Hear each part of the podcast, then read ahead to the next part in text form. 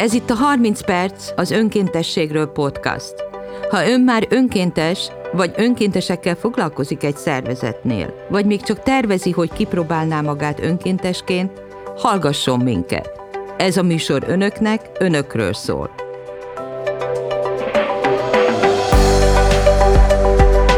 Az egyes műsorokban az önkéntes szemlében megjelenő tanulmányok alapján olyan gyakorlati, elméleti szakemberekkel, önkéntesekkel fogok beszélgetni, akik mindennapi munkájuk, önkéntességük révén alakítják, formálják a hazai önkéntes szektort.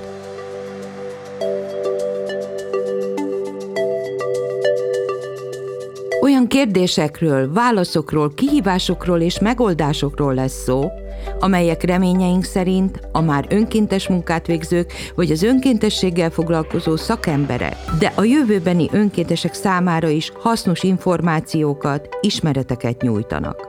Mert önkéntesnek lenni tényleg jó. Hogyan készül az önkéntes statisztika? Mekkora gazdasági értéke van az önkéntesek munkájának? hogyha ezt le akarnánk fordítani az átlag olvasó számára, ez azt jelenti, hogy képzelje el, hogy körülbelül 80 milliárd forintot spóroltak, vagy annyit kaptak ajándékba ezek a civil szervezetek. Szoktuk ezt úgy is mondani, hogy ez egy láthatatlan GDP hozzájárulás. Tehát ezzel a 20 ezer foglalkoztatotti létszám, hát az egy komoly vállalat lehetne Magyarországon. Bartalanna Mária vagyok, az Önkéntes Szemle főszerkesztője. Az Önkéntes Szemle a Magyar Önkéntesség első online megjelenő folyóirata, amelynek kiadója az alapítvány a Magyar Önkéntesség fejlesztéséért.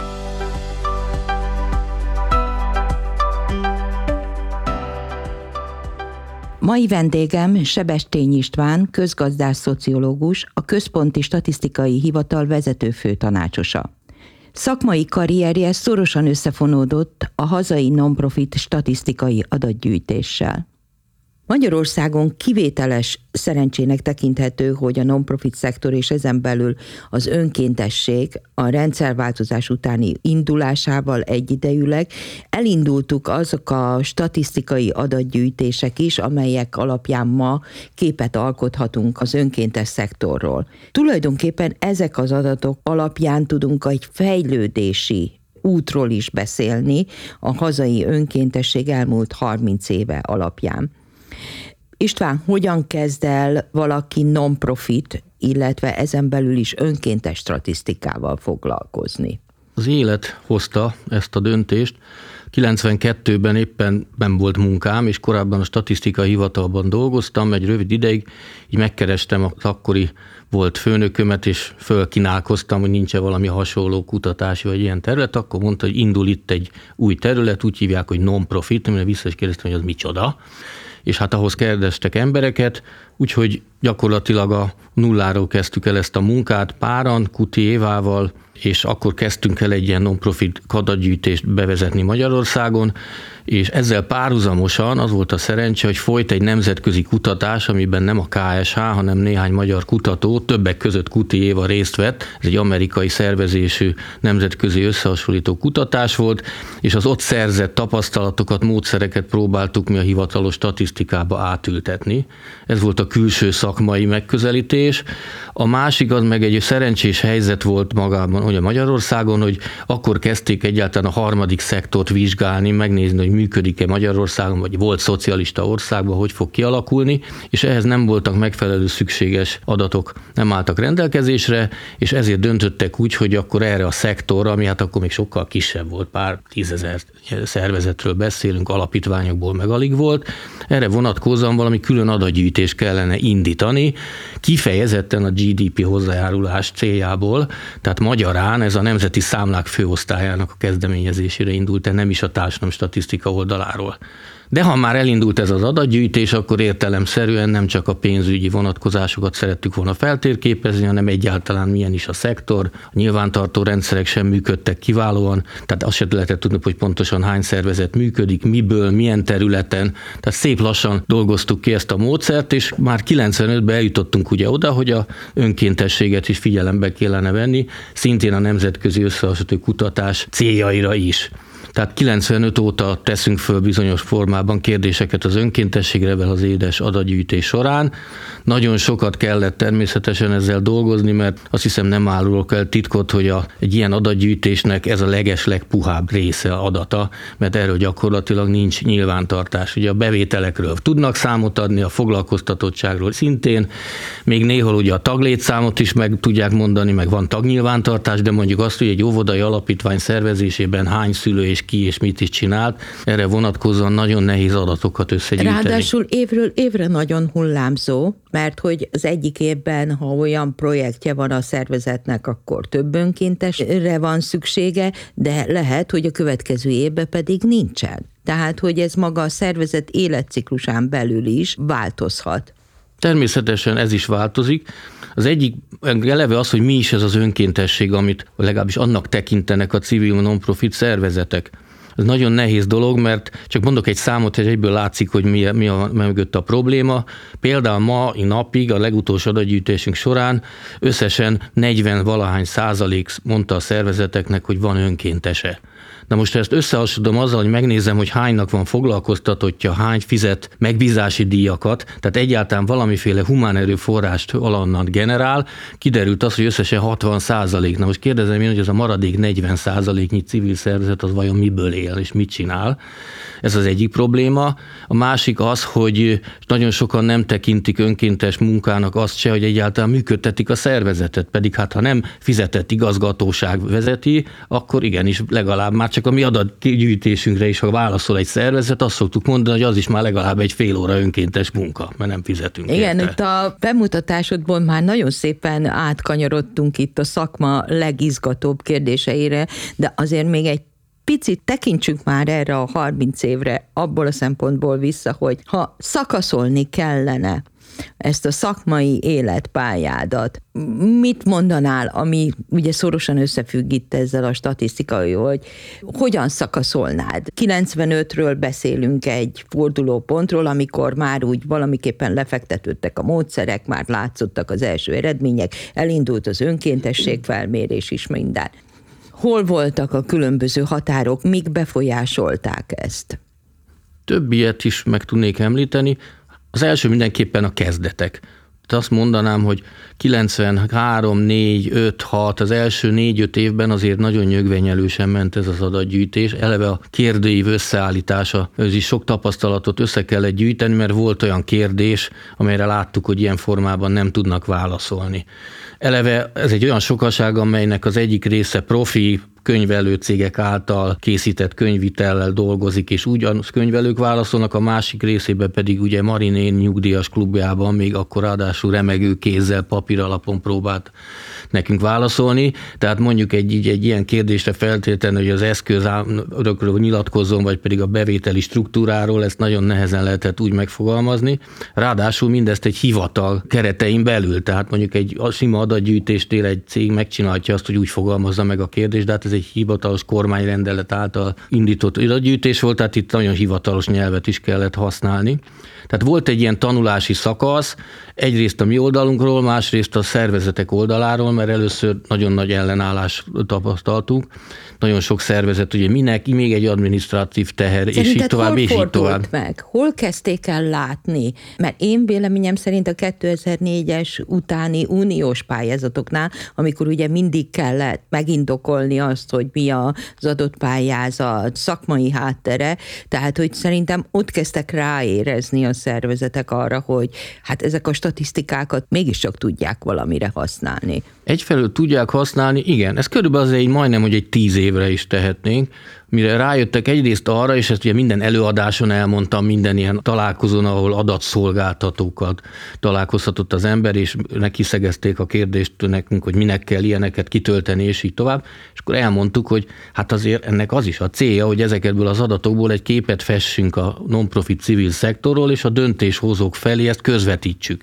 És azért 96-ban ugye megszületett az 1%-os törvény 97-től, a közhasznúsági törvény, aztán egészen ennek a folyamodványa volt ugye 2003-ban a Nemzeti Civil Alapprogram, akkor rengeteg adatot kértek tőlünk a minisztériumból a döntés előkészítéshez, és pontosan ezzel tudtunk érvelni, hogy azért született meg például, hogy hagyd legyünk egy kicsit büszkék magunkra, ez az egész Nemzeti Civil Alapprogram, mert azt próbáltuk mindig a kiadványainkban megfogalmazni, hogy mindenki programokra akar pénzt adni a civileknek, mert az olyan szép. De az, hogy programokat tudjanak végrehajtani, működni is kell. És a működési költséget honnan a már elnézést kérek, tudják ugye előkeríteni.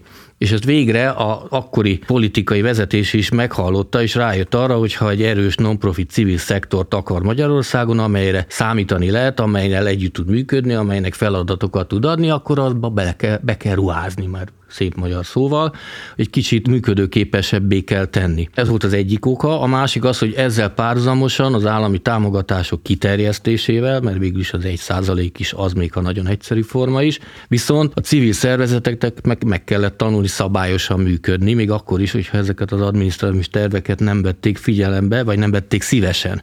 És a harmadik volt, és ez már közeledés az EU-hoz, hogy hát beindult a pályázati piac is, és a pályázaton bizony-bizony szembe találta magát egy magyar szervezet, egy mérhetetlenül bürokratikus, nem tudom, uniós pályáztató szervezettel, olyanokat kellett mindenféle finanszírozási tervektől kezdve, meg hasznosulási tervek, én sem tudom már elsorolni, tehát meg kellett felelni nekik, tehát egy kicsit professzionalizálódni kellett a civileknek aminek mondom az egyik mozgatórugója lehetett a mi adatgyűjtésünk is, és akkor onnantól ez már nem tűnt egy olyan nagyon nagy ternek, hogy hát akkor még emellett be hát is kell ahhoz adni. képest egy, egy ha beadtak kérdőívet. egy Európai Uniós pályázatot, ahhoz képest egy KSH a űrlap, KSH igen, az onnantól az, már, csak igen, játék az már játék volt. Mielőtt rátérnénk a mai fő témánkra, az önkéntesség gazdasági erejének a bemutatására vagy érzékeltetésére, két fontos kérdést érdemes tisztáznunk. Ki tekint a non-profit statisztika önkéntesnek? Hát ez nem is egy kérdés, mert ez nagyon sok kérdés. Mert egyrészt személy szerint, másrészt meg egyáltalán, hogy mi az az önkéntes munka. Nagyon sokan ugye azt hiszik, hogy az önkéntes az a szervezettől fizikailag elkülönült valaki. És abban a pillanatban, hogy ő már tag, akkor már nem önkéntes. Hát a mi szempontunk szerint nem, mert ráadásul mi nem személyeket keresünk, hanem teljesítményt.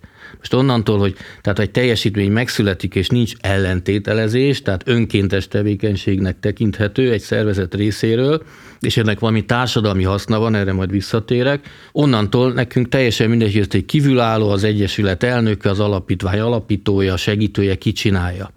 Viszont azért a köztudatban rögzült egy olyan gondolat, hogy én egy önkéntes vagyok, hazamegyek, leteszem az aktatáskámat, elmegyek egy civil szervezethez, ott önkénteskedem egy határozott ideig, aztán hazamegyek, és egy külön elem vagyok, nem vagyok tagja annak a szervezetnek közvetlenül. Tehát ez az egyik probléma, és emiatt van az, amire utaltam, hogy nagyon sokan egyszerűen azt mondják, hogy nincs önkéntesük. Ez az egyik. A másik viszont az, hogy ha megnézzük, hogy milyen típusú önkéntes tevékenységek vannak, amiket mi statisztikailag megpróbálunk számba venni, az első a működtetés.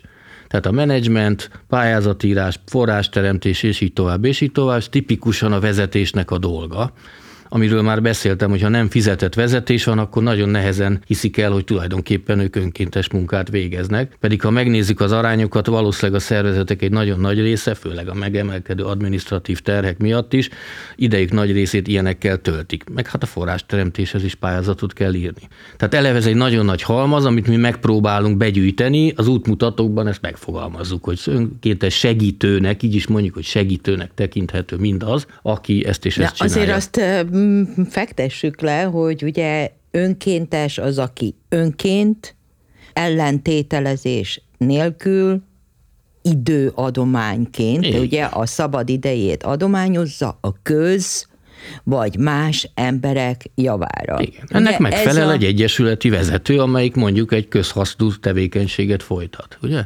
Ez ugye a Ez igen. hivatalosan elfogadott önkéntes definíció. Igen, ezt a definíciót be tudjuk írni és el tudjuk fogadni, viszont általában a civil szervezeteknek van egy alaptevékenysége. Ezért jönnek létre. Na most eleve már az is befolyásolja a statisztikai adatgyűjtést, hogy ez az alaptevékenység önmagában önkéntességnek tekinthető-e, vagy sem. Most mondok két szélső esetet, és utána el lehet dönteni, hogy a kettő közötti halmazab hogy lehetne akkor megosztani. Ha van mondjuk egy futballcsapat, összejönnek, befizetik, megszervezik, hogy közösen neveznek, és bajnokságba járnak, mondjuk egy amatőr bajnokságba, azt hiszem senki nem mondaná azt, hogy ők amikor elmennek focizni, akkor önkéntes munkát végeznek. Ugye? Tehát maga az alaptevékenység, amiben ott eltöltik a napi, nem tudom, egy-két órájukat, statisztikailag nem kerül ide. Ugyanakkor van egy lelki telefonsegély szolgálat, ugyanúgy működik, ugyanúgy elmegy a valaki délután két órára, és fiatalokat beszél le a droghasználatról. Ez az alaptevékenység már önkéntes munka.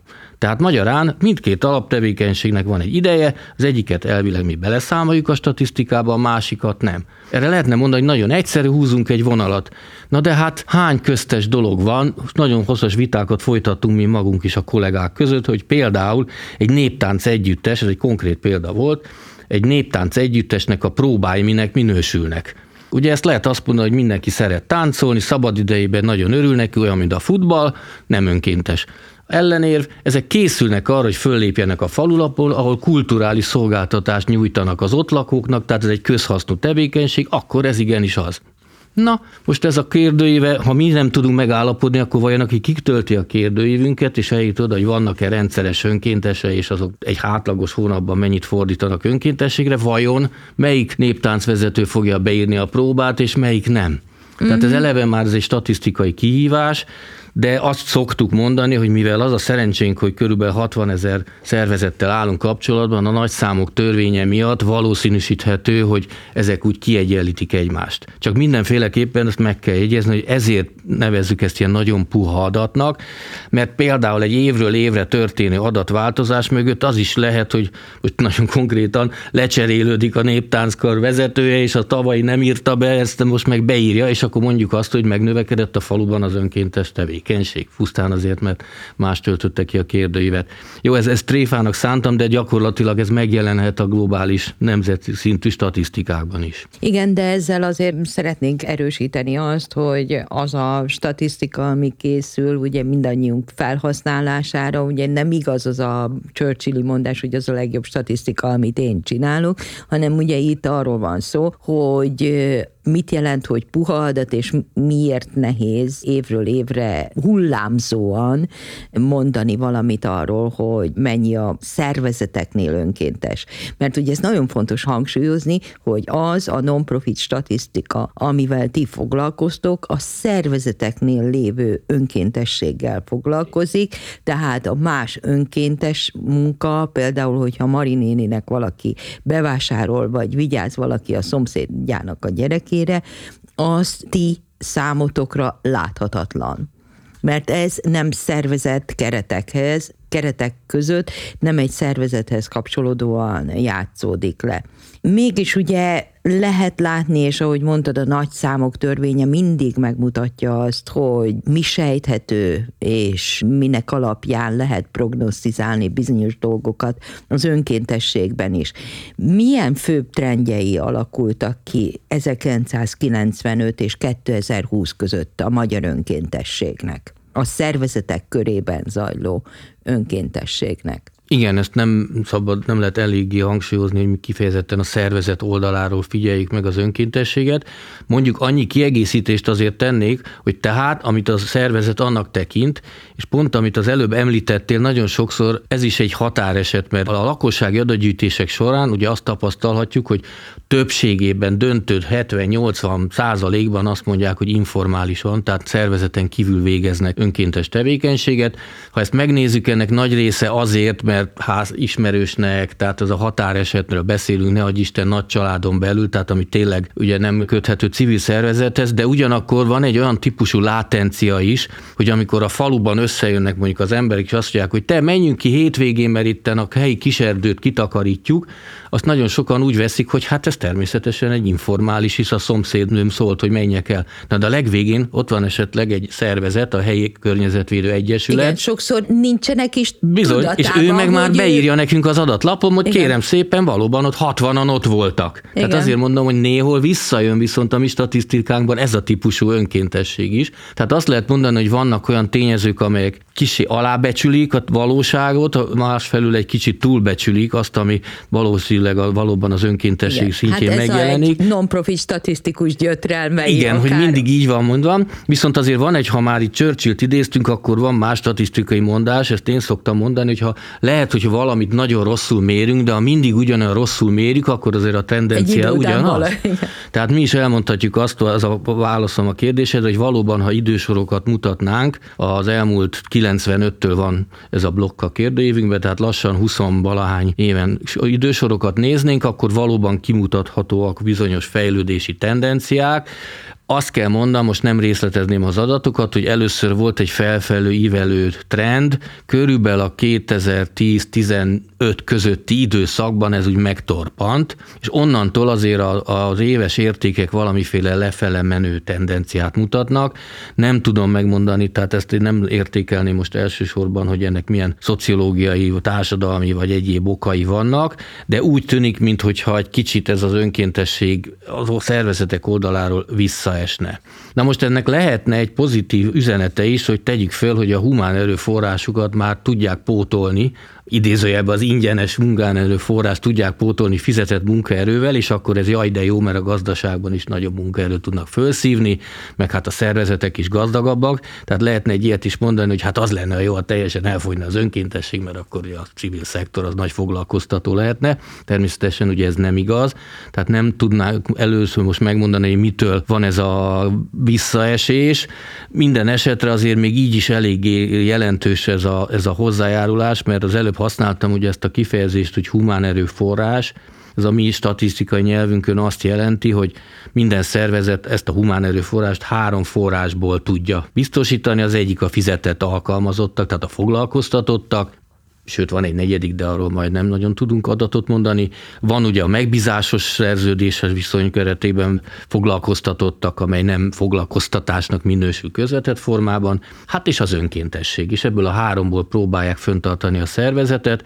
Ennek az egymáshoz viszonyított arányát azt minden évben megfigyeljük, és azért az látható, hogy ez igen jelentős, főleg a kifejezetten civil szervezeteknél, tehát nem is a non-profit szektorban magában, hanem azon belül is az inkább civilnek tekintető szervezeteknél. De javult a foglalkoztatási aránya a szektorban, a szektor szervezeteinél? Természetesen igen, tehát azért ha 25 éve még 1-2 százalék volt a nemzetgazdaságban a civilek Tehát ugye itt mondtad, hogy bár az önkéntesség egy kicsit csökkenő tendenciát mutat, bár ugye De a foglalkoztatás nőtt. nőtt. Tehát gyakorlatilag itt van egy kiegyenlítődés, és majd hát lesz a podcastjainkban arról is szó, és meghívunk olyan vendégeket is, hogy hát hogyan lehet karriert csinálni az önkéntességből, illetve egy szervezet hogyan kezdi el az önkénteseit foglalkoztatni. Tehát hogy javul a foglalkoztatás. A másik kérdésem az, hogy hogyan helyezhető el, ugye itt az a gazdasági erő, amit ebben a 25 évben föl tud mutatni a hazai önkéntes szektor. Megint olyan példákat lehetne fölhozni, tehát ahogy azért az átlag ember is ezt megértse, hogy egy-egy szám mögött mi van, megpróbáljuk ezeket emberségesebbé tenni, ábrázolni, hogy ez mit is jelent. Most nagyon egyszerű mutató számot fogok mondani, átszámoljuk mondjuk az önkéntességet arra, hogy ez hány foglalkoztatást vált ki. Így mondom, hogy foglalkoztatást, mert ugye ez lehet bármilyen időtartamú. Tehát azt jelenti, hogy az, az a mennyiség, amit önkéntes munkával egy évben a civilek kapnak, azt hány főállású foglalkoztatottal tudták volna kiváltani. Azért ez még most is a tenden, csökkenő tendencia ellenére is ez több mint 20 ezer fő. Tehát azért 20 ezer főnyi Igen, hát- foglalkoztatókról beszélhetünk. Van egy 2020-as fantasztikus adatsor, ugye, hogy 311 ezer önkéntes 21 ezer főállású munkáját helyettesítette, ami 83 milliárd forint megtakarítást jelentett az őket foglalkoztató civil non-profit szervezeteknek. Igen, ez a hivatalos megfogalmazás, azért mondom, hogy ha ezt le akarnánk fordítani az átlag olvasó számára, ez azt jelenti, hogy képzelje el, hogy körülbelül 80 milliárd forintot spóroltak, vagy annyit kaptak ajándékba ezek a civil szervezetek, mert mondjuk Tőlünk, azt a munkát meg kellett volna aki- vásárolni. Igen. Mert ugye, ha nagyon belemegyünk, ez az egész önkéntesség, ugye ez a csereértékek alapján azt jelenti, hogy itt egy használati értéket vásárolnak meg, és nem adnak Hát egy érte adomány, csereértéket. idő ez hát idő, adomány. ezért időadománynak nevezhetjük. Tehát ezzel a 20 ezer foglalkoztatotti létszám, hát az egy komoly vállalat lehetne Magyarországon. Hát egy közepes, egy, igen, egy közepes autógyárnak a foglalkoztatottságával vetekszik. Ennyit kapnak ingyen. Akkor is, hogyha ez néha csak egy-két órát jelent, néha magában egy, egy szervezetnél ez, ez nem jelent túl nagy százalékot, de azt is meg lehet például nézni, hogy ez a bérköltségeknek, amit mondtam, 20-25 százalékát helyettesíti. Tehát ennyivel kevesebbet kell a kiadásaikban a humán erőforrás biztosítására fordítani. Tehát ez mindenképpen egy, ez egy pozitív jelenség. Szoktuk ezt úgy is mondani, hogy ez egy láthatatlan GDP hozzájárulás. Nem véletlen, hogy a nemzetközi kutatásokban is a bevétel kiadás mellett az önkéntességet is mérni szeretnék, illetve próbálják ezekben az országokban elérni, hogy ennek rendszeres jelzőszámai legyenek, mert valóban ez egy GDP. Hát ha én ugyanazt csinálom ingyen, mint amiért fizetek, akkor gyakorlatilag ugyanúgy értéket állítok elő, csak az egyiknek valamilyen módon van egy papíron szereplő adata, a másiknak nincs. Tehát ez az egyik, a másik pedig, ami még ez egy szintén láthatatlan érték a civil szervezetek számára, bár ez egy külön adást is megérne, hogy ezzel valamiféle társadalmi tőkét is termelnek, aminek mind a két oldalban ki lehet mutatni a haszonulását, mert ugye ha én önkéntes vagyok, akkor ott valamiféle érzelmi vagy egyéb viszonulás, kapcsolódás is van, nem csak arról van szó, hogy elmegyek hétvégén mondjuk hamburgert sütni a strandra, és hogy csak azért, hogy pénzt kapjak, hanem valamilyen módon ott valami más érték is teremtődik, nem csak az a megspórolt munkabér, amit nem kell mondjuk egy kórházi belosztály alapítványnak kifizetni ahhozért, hogy a, oda menjek, és mondjuk a beteg gyerekeknek felolvassak. Az előbb felolvastam ezt a 2020-as adatokat. Ez a 2020-as adat ugye a COVID első évének adatai. Hogy látod, hogy a járványnak mik az első tünetei a magyar önkéntes szektorban? Sajnos azok az első tünetek, amiket várni lehetett egy ilyen után, tehát nem lepődtünk meg azon, hogy ha csak ezt a két évet, 19-et és 20-at összehasonlítjuk, már meg fog jelenni valószínűleg egy visszaesés az önkéntesség terén, mind tevékenység szerint, minden tevékenységben, mind a ráfordított időarányban, mind pedig a személyek számában, tehát hogy hányan tudnak önkéntes tevékenységet folytatni.